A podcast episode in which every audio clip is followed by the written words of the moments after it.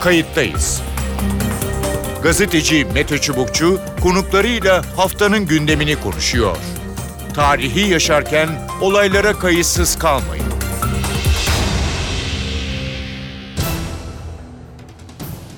İyi günler bir kayıttayız programıyla daha karşınızdayız. Tarihe ışık tutmak ve olan biteni anlamak için önümüzdeki dakikalarda sizlerle birlikte olacağız.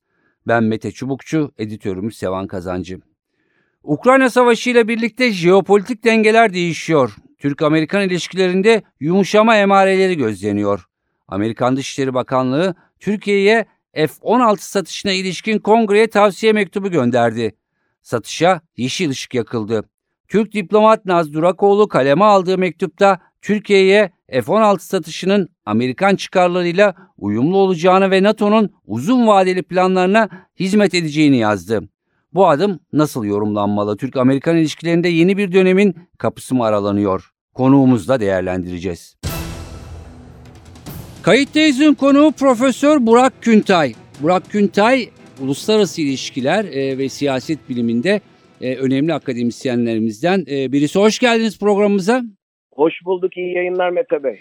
Çok teşekkür ediyorum. Ee, Türkiye-Amerika ilişkileri e, daha doğrusu e, Amerika'dan gelen e, bir mesaj, niyet ya da adım e, diyelim. Türkiye'ye F-16 satışları e, ve e, bazı F-16'ların modernizasyonuyla e, ilgili sanki bir yeşil ışık e, yakıldı. Çünkü sorunluk başlıklar vardı. O da bunlardan birisiydi. Önce şunu e, sorayım isterseniz biraz geriye de tabii gideceğiz. Ne oldu da bu F-16'larla ilgili en azından e, Amerikan yönetimi Beyaz Saray kongreye yanılmıyorsam e, bir e, mektup yolladı. Bu konuda e, Türkiye'ye artık e, sorun çıkarılmaması için. Buyurun. Şimdi Mete Bey bir kere burada timeline'ı, zamanı doğru okumak lazım. Çünkü şöyle bir imaj ortaya çıktı. Sanki durup dururken Biden yönetimi, Dışişleri Bakanlığı ki Naz Durakoğlu Hanım yıllarca kongrede çalışmış çok değerli bir uzmandır. Kendisi şu an Dışişleri Bakanlığı'nda onun imzasıyla kongreye birdenbire böyle bir mektup yollanmış gibi bir hava esiyor. Ama bu böyle değil. Hı hı. Bir kere birinci mevzu şu, e, biliyorsunuz siz de Ekim ayı gibi Türkiye F-16'ların alınmasıyla ilgili Amerika Birleşik Devletleri'nden e, bir talepte bulundu. Hı hı. Hatta sadece yeni F-16'lar değil, eski Türkiye'de bulunan F-16'ların da modernizasyon kitlerini talep etti. Ekim ayında oluyor. Hı hı. Daha sonra Şubat ayında Amerikan Kongresi'nde bilhassa Panhelenik diye tabir ettiğimiz e, Yunanlıların ve Rumların oluşturduğu oradaki vatandaşları destekleyen kokusun içindeki milletvekilleri ve senatörler, Ermeni diasporasının oluşturduğu kokusun içindeki milletvekili ve senatörler ve yine Türkiye ile ilgili e, bazı aleyhteki lobilerin hep içerisinde olan destekçisi olan bazı milletvekili ve senatörler Şubat ayı gibi Beyaz Saray'a bir mektup yazdılar. Hı. Ve bu mektupta şunu söylediler. Dediler ki Türkiye'ye şu şu şu sebeplerden dolayı kesinlikle ve kesinlikle bu satışı uygun görmüyoruz ve satmayın. Bu da Şubat ayında oldu. Şimdi Şubat ayının sonuna doğru olan bu mektuba ancak şimdi Mart ayında yapılır planlama yani doğru Evet. bir zamanlamayla gidiliyor. Dışişleri Bakanlığı da bir cevap mahiyetinde hatta o mektubu yazan ana senatörün ismi verilerek bu mektubu kongreye yolladı. Yani bu mektup cevap mahiyetindedir. Bir kere önce onu söyleyelim. Durduk yere bir tavsiye değil, Hı hı. cevap mahiyetinde olan bir şeydir bu. Mektuptur. Mektubun içeriğine baktığınızda da mektupta herhangi bir zamanlama, herhangi bir bütçe, herhangi bir sayı ya da çok da büyük kesinlikten bahsedilmiyor. Ama bütün bu normal giden yazışmalar içerisinde tabii ki Amerikan yönetiminin, Dışişleri Bakanlığı'nın müspet görüş belirtmesi de Türk-Amerikan ilişkileri açısından yeşil ışık olarak görülebilir. Gayet de olumlu bir durum. Peki e, Burak Güntaş şunu soracağım. Bu mektubun e, özellikle Rusya, Ukrayna ya da Rusya'nın e, işgali sonrası işte NATO'da e, ki tartışmalar, Türkiye'nin rolü vesaire bunlar da göz önüne alınarak mı yapılmıştır? Ne dersiniz? Bir kere şu son sürecin yüzde yüz etkisi var. Önce onu söyleyeyim. Yani yüzde doksan demiyorum, yüzde yüz etkisi var bu son sürecin. Hı hı. Niçin? E, hep konuştuğumuz bir şey var. Biz uluslararası ilişkilerciler şunu söyleriz. uluslararası bazı hadiselerin, ittifakların oluşumunda çok net ya ortak çıkar ya ortak düşman olacak. Hı hı. Şimdi Türk-Amerikan ilişkilerini de yıllarca var eden temel nokta Sovyet Sosyalist Cumhuriyetler Birliği'nin yani bir ortak düşmanın olması ve bu ortak düşmana karşı verilen belli mücadelelerin iki ülke arasında ortak çıkar yaratması. Türk-Amerikan ilişkileri. Hı hı. Şimdi gel gelelim 1990'lardan sonra ortadaki bu ortak çıkar ve ortak düşman algısı kalktı. Hatta tam tersine iki ülkenin ortak noktaları gitgide zayıflamaya başladı. Yani krizleri şöyle bir saysak aklımıza gelmeyen bir sürü şeyler çıkıyor Evet. ortaya. Ta ki Ukrayna-Rusya meselesine kadar. Ukrayna-Rusya meselesi sadece Türk-Amerikan ilişkilerinde değil.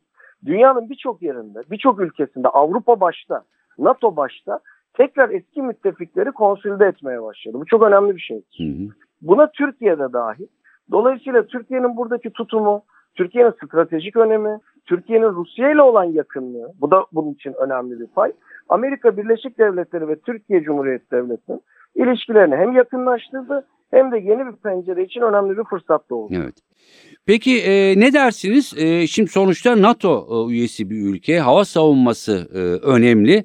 Tabii ki e, Türkiye'nin e, kendi e, çıkarları için ama diğer yandan da özellikle bu Rusya-Ukrayna savaşı sonrasında e, NATO'nun hava savunması anlamında da anlamına da geliyor değil mi? Yani bunun e, yenilenmesi, güçlendirilmesi e, F-16'larla.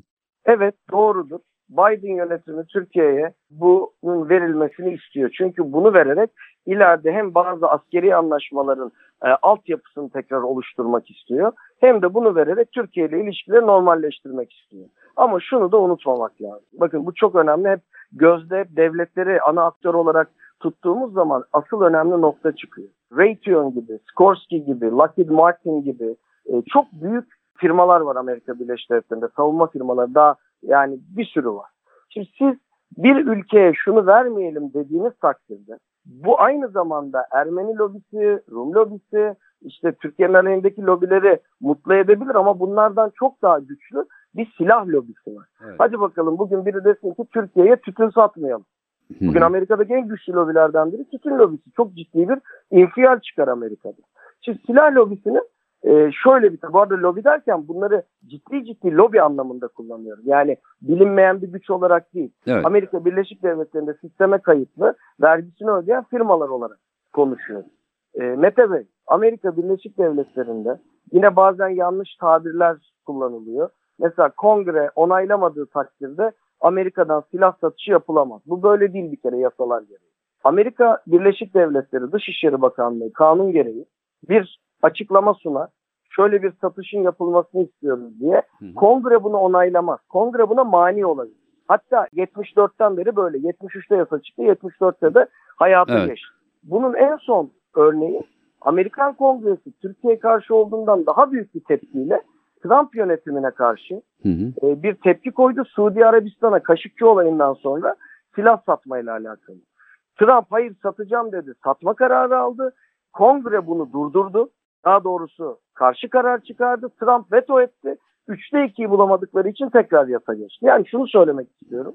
Eğer Biden yönetimi ciddi bir şekilde bu işin arkasında durursa Senato'da da demokrat çoğunluk olduğunu, temsilciler meclisinde de böyle bir gidişat olduğunu hesapladığımızda bir noktada bu hadise eğer Biden yönetimi buna yeşil ışık yakarsa Evet. hayata geçebilir. Ama bu bugünden yarına olacak anlamına da gelmiyor. Anladım. E, onu merak ediyordum. Biraz e, siz girizgah yaptınız. E, kongrede durum nasıl olur? Çünkü e, sonuçta e, oranın onay vermesi gerekiyor diye. Ama siz e, o konuda Biden'ın hani biraz ısrarcı olmasıyla bunu geçirebileceğini düşünüyorsunuz öyle mi? Geçirebileceği demeyelim. Biden ısrarcı olursa bu olur. Evet. Yani geçirmek gibi bir prosedürü yok. Kongre bunu engelleyebilir. Yani Engelleyebilir. kongrenin Hı hı. Geçirip geçirmeme değil engelleme gücü var. Evet. Hı hı. Ha, ona da başkan veto ederse kongrenin hayır satmayacaksın noktasına üçte iki gibi bir override'la birlikte bunu yine kongre e, önleyebilir. Ama bu Trump'ın Suudi Arabistan'a silah satışında bile hayata geçmediği için çok kolay bir hadise değil aslında. Peki e, ama belli bir süre var hemen değil mi? Bugünden yarına olacak bir şey Hayır, değil. hayır, katiyen. Hı hı, peki E, ama sonuçta bu önemli bir ad- adım, Çok bir e, bir niyet. bu. Peki e, ne dersiniz? F-35 sayfası e, kapandı mı artık? Şimdi F-35 zaten kapalıydı. Hı hı. Ama görüyoruz ki bakın her zaman söylediğim şey şudur. Bir hadise vuku buluyor dünyada. Ocak ayında, Şubat ayında biz ne konuşuyorduk? Doğu Akdeniz'de Amerika ile karşı karşıya gelmişti. Evet. Kıbrıs meselesinde Akdeniz'in geri kalanında Amerika ile karşı karşıyaydık. Suriye'de Amerika ile karşı karşıyaydık ve daha yeni alevleniyordu. Irak'ta karşı karşıyaydık. Amerika Yunanistan'a asker yığıyor diye karşı karşıyaydık. Afganistan'da ciddi anlamda karşı karşıyaydık. Öyle bir nokta vardı ki Türk-Amerikan ilişkilerinin yerle bir olduğu bir dönem yaşarken birden ne Amerika'nın ne Türkiye'nin güdümünde olmayan bir Ukrayna-Rusya krizi patladı. Bu umulanın çok ilerisine geçti ve onun yarattığı dünyadaki ekosistem Türkiye ile Amerika'yı bu kadar sıkıntılı yıllara rağmen tekrar yakınlaştırdı. Çünkü o yüzden bu hesapları yaparken olay sadece Türkiye, sadece Amerika değil. Dünyanın seyrinde öngörülemeyen veya öngörülüp de şiddeti tahmin edilemeyen olaylar üzerinden de okumak lazım. Yani bu hadiseden önce böyle bir konuyu konuşuyor olsaydık çok açık söyleyelim çok olası değildi. Ama şu an F-35 de bir gün tekrar açılabilir hem de çok uzak zamanda değil. Başka şeyler de olabilir. Çünkü siyasette ve uluslararası politikada yakınlaşma ve uzaklaşmalar birden hayata geçebiliyor. Hatta yakınlaşma daha çabuk olabilir. Evet. Ee, şunu da sormak isterim. Ee, özellikle e, bu küresel yaptırımlarla e, ilgili e, yani dinleyicilerimizi de belki hatırlatmak e, amacıyla e, Türkiye bunlara e, katılmıyor. E, Amerika'dan çok fazla çatlak ses de yok bu konuda. Ne dersiniz? Şimdi Avrupa'dan Hollanda Başbakanı Türkiye'ye geldiğinde bir talep oldu hatırlarsınız. Hı. Yani konuşmaların esnasında böyle bir şey geçti. Ama genel itibariyle baktığınız zaman e, Amerika Birleşik Devletleri Türkiye'nin hassas durumunun farkında. Bu arada sadece Amerika değil Rusya da Türkiye'nin hassas durumunun farkında. İki ülke de Türkiye'yi kaybetmek istemiyor. Bu da Türkiye'nin aslında herkesin gözünün önüne asıl gücünü koyuyor. Şimdi yıllardır Türkiye'de aşırı bir Amerikancı bakış açısıyla işte bu Rusya'ya, Doğu'ya niye yaklaşıyoruz? Amerika'ya yaklaşalım diyen bir grup oldu. Veya tam tersine Amerika'dan uzaklaşalım, Rusya ile İran'la ittifak kuralım diyen bir grup oldu. Bunları hep birlikte yaşadık, gördük. Ben her zaman şunu söylerim. Türkiye'nin Amerika'ya karşı gücü, NATO'daki gücü Rusya ile olan yakınlığından, Rusya'ya karşı gücü Amerika ile yakınlığı ve NATO üyeliğinden gelir. Yani Türkiye bunlardan birini tercih etmeyip bir tarafla dost, diğerine yakın olarak. Bunu bu arada Osmanlı'nın en az son 100 senesinden itibaren devam eden bu dış politika perspektifiyle devam ettiriyor Türkiye. Bu da doğru bir politikadır. Hep izlediğimiz politikadır. Cumhuriyette de izledik. Osmanlı'nın son ve ön döneminde de izledik. Demokrasi tarihimizde de izledik. Şu anda izliyoruz. Türkiye'nin gücü mukabilinde uyguladığı doğru bir politikadır. Peki e, son sorum olsun yine e, bununla e, bağlantılı. Yani geçtiğimiz yıllarda işte NATO ile ilgili onlarca tartışma vardı. E, misyonu, ömrünü tamamlayıp tamamlamadığı vesaireyle ilgili. Türkiye'de de bu konuda yani NATO'nun Türkiye yaklaşımı, Türkiye'nin NATO'ya yaklaşımı. Ne dersiniz? İki tarafta birbiri için e, önemli olduğunu anladım. Hem e, NATO Türkiye için hem Türkiye'de e, NATO için. Şimdi bir kere şöyle bir şey ortaya çıktı. 1990'da NATO'nun kurulma sebebi olan Varşova Paktı ve Sovyet Sosyalist Cumhuriyetler Birliği ortadan kalkınca e, birden NATO ülkeleri ve NATO sistemi dedi ki biz şimdi ne yapacağız? E biraz denemeler oldu. İşte yok enerji yollarının güvenliği, Rusya'nın önünü kesmek için NATO'nun genişlemesi gibi bazı hamleler yapıldı. Ama açık konuşalım bu hiçbir zaman bir soğuk savaş dönemi gibi önem arz etmediğinden NATO'ya ödenekler azaldı. NATO'nun gücü azaldı. NATO'ya bakış açısı azaldı. Fakat şimdi net bir şekilde tekrar Sovyetler belki başka bir ülkeden bu tepki gelse böyle olmazdı. Ama tekrar Sovyetlerin e, artçısı olan Rusya'dan böyle bir e, hareket gelince yine Avrupa güvenliği yani aslında NATO'nun temel kuruluş felsefesi Avrupa güvenliği riske girince NATO tekrar kendinden sanki yıllardır böyle uykudaymış bir anda düğmeye basılmış gibi toparlanma mecburiyeti hissetti. Ki bu ülkeler kim? İçinde Almanya'nın olduğu, Fransa'nın olduğu yani neredeyse e, enerji ihtiyacının yarısını, ticaretinin ciddi bir kısmını Rusya'ya dayandıran ülkelerden bahsediyoruz.